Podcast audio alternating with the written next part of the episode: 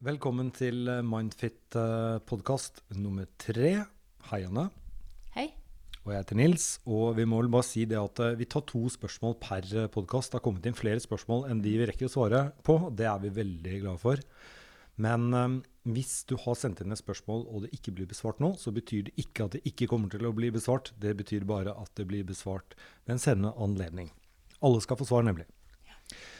Så må vi også bare si sånn ren generelt, uh, Jan, at dette er jo generelle svar uh, på ikke generelle spørsmål, men på personlige spørsmål. Eh, det stemmer, det. Eh, vi må, jeg prøver å svare som best jeg kan ut ifra de spørsmålene vi får, men det er klart at eh, jo Jeg kjenner jo ikke hele saken eh, i de spørsmålene som kommer.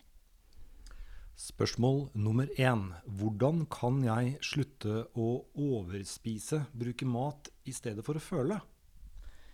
Ja. Eh, det spørsmålet i seg sjøl syns jeg sier noe om at denne personen har forstått sammenhengen mellom mat og følelser. fordi det er jo ikke så uvanlig for meg å høre at mat kan bli en sånn måte å døyve følelser på. Eh, mange kommer egentlig altså Det fins jo både de som får en spiseavhengighet i en eller annen grad, men også folk ellers kan bruke mat som en trøst. Eller hvis den er veldig rolig, som en måte å roe seg ned på. Og hvordan en da skal kunne heller uh, føle på det her istedenfor å spise, uh, det forutsetter, tenker jeg, at en begynner å bli oppmerksom på de følelsene som dukker, dukker opp til enhver tid. Uh, du kan si at i utgangspunktet er vi født med Alle er vi født med en del grunnfølelser, men det er ikke alltid sånn at vi har like god kontakt med de her følelsene. Det er avhengig av hvordan en har blitt møtt på det når en har vokst opp mye òg. Altså om det har vært en kultur for å uttrykke de her følelsene. Og om en har uh, klart å skille dem fra hverandre, egentlig. Uh, hva slags eh, grunnfølelser er man født med? Det har en forska en del på.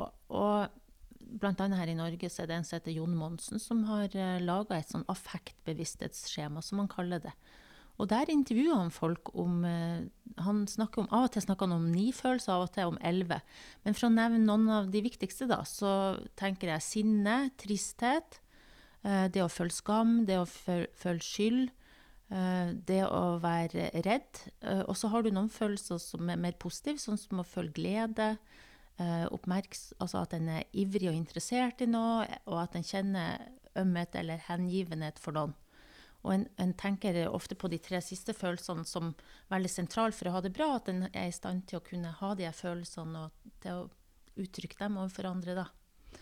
Det er noe med det òg, hvordan en forholder seg til de følelsene. Så på et vis så må en være oppmerksom på dem, men, men en må jo også klare å tolerere dem. Og til syvende og sist må en klare å uttrykke dem, både snakke om dem og vise dem.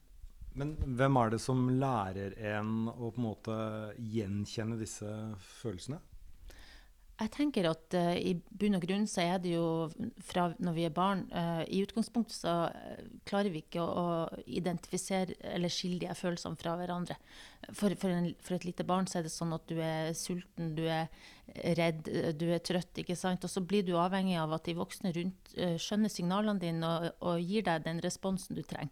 Men når du får den responsen du trenger, så, så begynner du etter hvert også sjøl å merke en sammenheng mellom hva som hjelper og hva som hva som ikke er til nytte, da. Uh, så jeg tror at foreldrene eller de oppvekstmiljøet en er født i, har mye å si. Uh, og så er det jo ulike kulturelle forskjeller òg, da. Uh, kanskje kjønnsforskjeller òg, vil jeg tenke. F.eks. For i forhold til sinne, det å kunne uttrykke sinne. det er jo ikke alle jenter som har like godt forhold til det. Og kulturelt sett kanskje er det også sånn at hvis gutter gråter eller viser at de er lei seg, så får de kanskje kritikk for det. Så det handler mye om hvordan omgivelsene møter en, da. Men uh, la oss nå da si at uh, man fikk mangelfull opplæring på en eller flere av disse grunnfølelsene som uh, lite barn. og så forstår man ikke noe av disse følelsene når man blir voksen. Og det blir så vanskelig at man må ta si, kunstig stimuli for å flykte. Det kan jo være alkohol, og det kan være mat. Og så er det altså det du sier, er at det hjelper ikke. Du er nødt til å forstå følelsene, eller eventuelt få hjelp til å forstå dem. Ja, det vil jeg si. Og du må kanskje begynne sjøl med å tåle de følelsene. Altså ikke bare forstå dem, eller kjenne dem igjen, men også tåle dem. da, og Det er der det med mat kommer inn. At, at hvis du putter denne maten i munnen, eller all slags andre ting du kan bli avhengig av, så døyver du det, og, og det, det på et vis forsvinner. Så det er noe med å tørre å våge å stå i det. da. Er dette Jeg vil anta at dette er ganske vanlig. Eh, altså at det er en eller annen av disse grunnfølelsene som er litt eh, dårlig utviklet? Ja, jeg vil tenke at, at uh, vi alle har vel utfordringer. Altså det er grader av utfordringer i det her, da. Så det er ganske vanlig, vil jeg tenke, at en ikke har like god kontakt med alle følelsene. Men uh, vedkommende som har da sendt inn dette spørsmålet, har jo kommet et sjumilssteg uh, i å klare dette her. Fordi han eller hun har i hvert fall forstått poenget. Mm. At, man, at han, bruker, han eller hun bruker altså mat som et substitutt for å ikke tore å være i følelsen, og skjønner da at det er feil. Man må være i følelsen og ikke overspise. Det hørtes ut som en bra konklusjon. Jeg vil, jeg vil også tenke at uh, ikke bare det å være i den, men også klare å lære seg å uttrykke den, ikke minst. Så hvis det er noe forbindelse her mellom at noen har irritert deg, eller at du har blitt lei deg for noe som har skjedd rundt deg, at du også må prøve å være litt sånn ærlig med hva som faktisk skjer rundt deg. og så tørre å uttrykke det du tenker og føler rundt det, det vil hjelpe deg godt på vei i forhold til trøstespising, vil jeg tenke. Da går vi over til spørsmål nummer to. Eh, vi må vel også bare si at vi sitter altså på et kjøkkenbord og vi drikker kaffe innimellom. Ja. Det, det, er lov. Ja. ja. Eh, dette er et veldig alvorlig spørsmål. Det handler om alkohol. Det er veldig langt, så jeg, jeg tar og, og korter det ned litt. Skal prøve å ta med det vesentlige. Hei, eh, jeg lurer på hva jeg skal gjøre med min livssituasjon. Jeg har en mann som drikker mye alkohol. Han drikker vin og øl hver dag. I helger også sprit. Eh, jeg har fortalt ham om min barndom med alkoholisert far. Han har ingen forståelse for dette. Han vil ikke innrømme at han er avhengig av alkohol, osv., osv., osv. Altså, det er et menneske her som drikker hver eneste dag. Eh, og, og, og, hans kone da, um, prøver å nå inn til ham. Det funker ikke. Og hun lurer rett og slett på hva er det hun kan gjøre. Ja, um, jeg tenker at det her er òg et ganske vanlig problem, faktisk, men som foregår en god del i det skjulte. da. Uh, at det her blir en type problem som uh, Ofte er det familien og de nærmeste som får inntrykk eller kjenner mest på det her med avhengighet først. da. Uh, Frid Hansen, som har jobba her i Norge lenge med pårørende, da, både for, altså partnere og barn av uh, foreldre som har et alkoholproblem, hun sier at en har et alkoholproblem når de følelsesmessige båndene i en familie blir forstyrra av at en uh, har den type avhengighet. Og i det så ligger det jo at det som foregår i familien av rutiner og hverdag, blir forstyrra faktisk av at noen drikker. Uh, for eksempel, altså en skal på, Egentlig så skulle han i et familieselskap, det blir ikke noe av, for nå har pappa begynt å drikke, så uh, vi finner på en annen unnskyldning for å ikke dra. Det kan bli en del sånn uh, at en prøver å beholde en fasade, men, men, bak der så foregår det en del som de nærmeste lir under, da.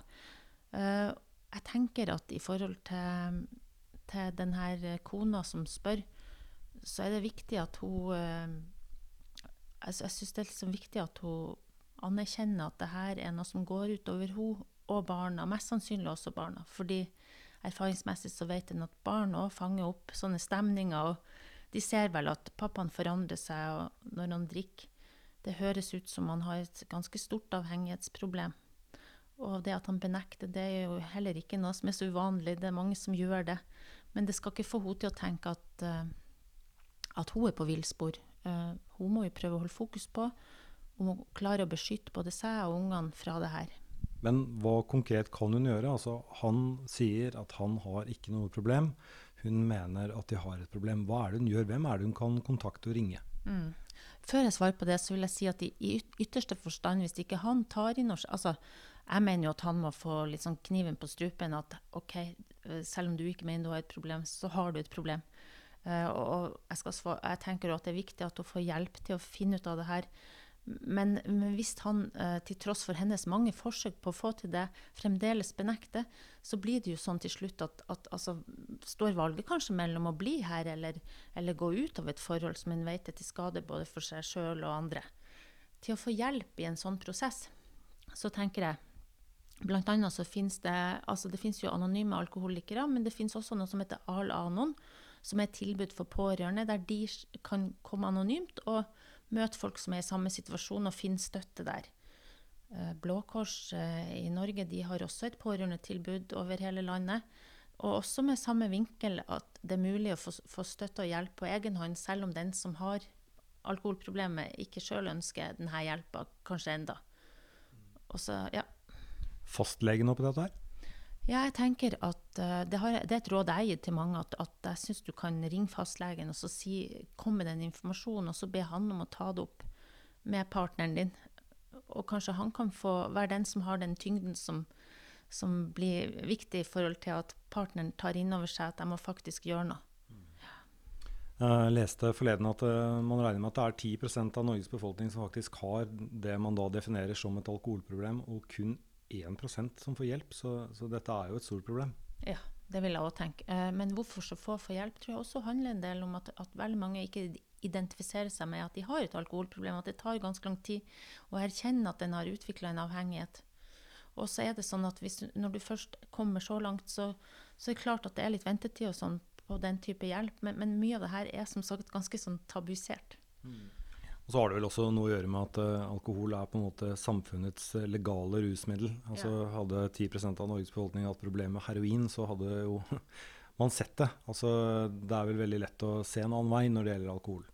Ja, det er jeg helt enig i. Og så tror jeg også at, at, når det gjelder alkohol, så er det veldig vanskelig å bli kvitt denne avhengigheten. For at det er sånn stor del av kulturen vår, så alle drikker. Så det gjør det også vanskelig for den som har problemet, å klare å unngå, unngå å la være på sikt òg, da. Men eh, tilbake til innsenderen. Eh, rådet er altså at eh, det finnes eh, støttegrupper, mm. både i Blå Kors og, og, gjennom noe du kalte Alanon. Al-Anon, altså de finner du hvis du søker på nettet, bl.a. eller på gule sider og sånn, så finner du lett tilgjengelig informasjon om hvor du når dem over hele landet. Eller ta kontakt med fastlegen, rett og slett. Det var uh, Mindfit podkast uh, nummer tre. Um, hvis du hører på og har et spørsmål, så skal du rett og slett ta og skrive det ned. Det er jo anonymt, og, og vi vil jo da besvare dette her uh, fortløpende. Så til neste gang vi høres, ha det bra. Ha det.